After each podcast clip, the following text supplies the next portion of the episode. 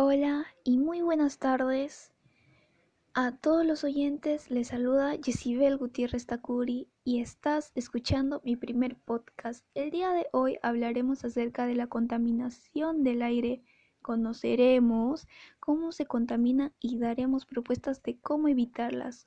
Cuidemos el ambiente por el único planeta que tenemos. La contaminación ambiental es uno de los problemas que más aquejan a nuestra sociedad en los últimos tiempos, las acciones irresponsables de muchos ciudadanos y ciudadanas han traído consecuencias graves al ambiente y ha afectado en grande medida el bienestar de toda la población. Sin embargo, también existen fuentes naturales que contaminan el ambiente como el de los gases que emiten los volcanes y los manantiales de aguas sulfurosas. Asimismo, los de orientes humanos son las fuentes móviles como los gases que emiten los camiones, aviones, autos y las fuentes fijas que emiten las fogatas y las industrias. Por ello, es importante proponer acciones que reduzcan los altos índices de contaminación y comprometernos con su cumplimiento en favor del ambiente y la salud de todos los seres vivos. Por ello, es importante proponer acciones que reduzcan los altos índices de contaminación y comprometernos con su cumplimiento en favor del ambiente y la salud de todos los seres vivos. En el caso de las fuentes fijas, sus gases contaminantes debilitan la capa de ozono y entre esos contaminantes se encuentran los clorofluorocarbonos, que al llegar a la atmósfera se rompe y genera monóxido de cloro que al reaccionar con el oso no nos sirve para filtrar los rayos ultravioletas.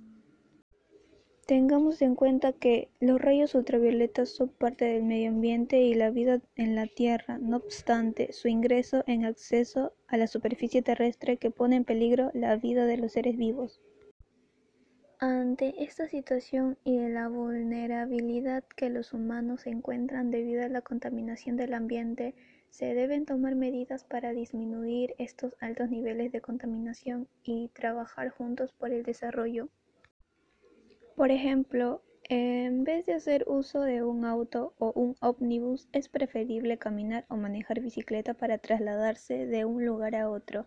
Además de que se realiza actividad física, se colabora con el cuidado del medio ambiente. Ante este problema surgen algunas causas. Sus principales causas son uso ineficiente de la energía en las viviendas, la industria, los sectores de la agricultura, el transporte, las centrales eléctricas de carbón, la arena, el polvo del desierto, la quema de desechos y la deforestación porque éstas dañan el aire ya que contienen altos niveles de sustancias contaminadas y en consecuencia daña al planeta y a la salud de las personas. Y aquí tenemos algunas soluciones ante este problema. Es usar bicicleta en vez de autos, reutilizar las cosas que ya no nos sirven y darles uso a otro, plantar más plantas ya que las plantas son vida, usar bolsas ecológicas estos cuatro datos son de mucha importancia ya que son muy eficientes para hacerlos en casa.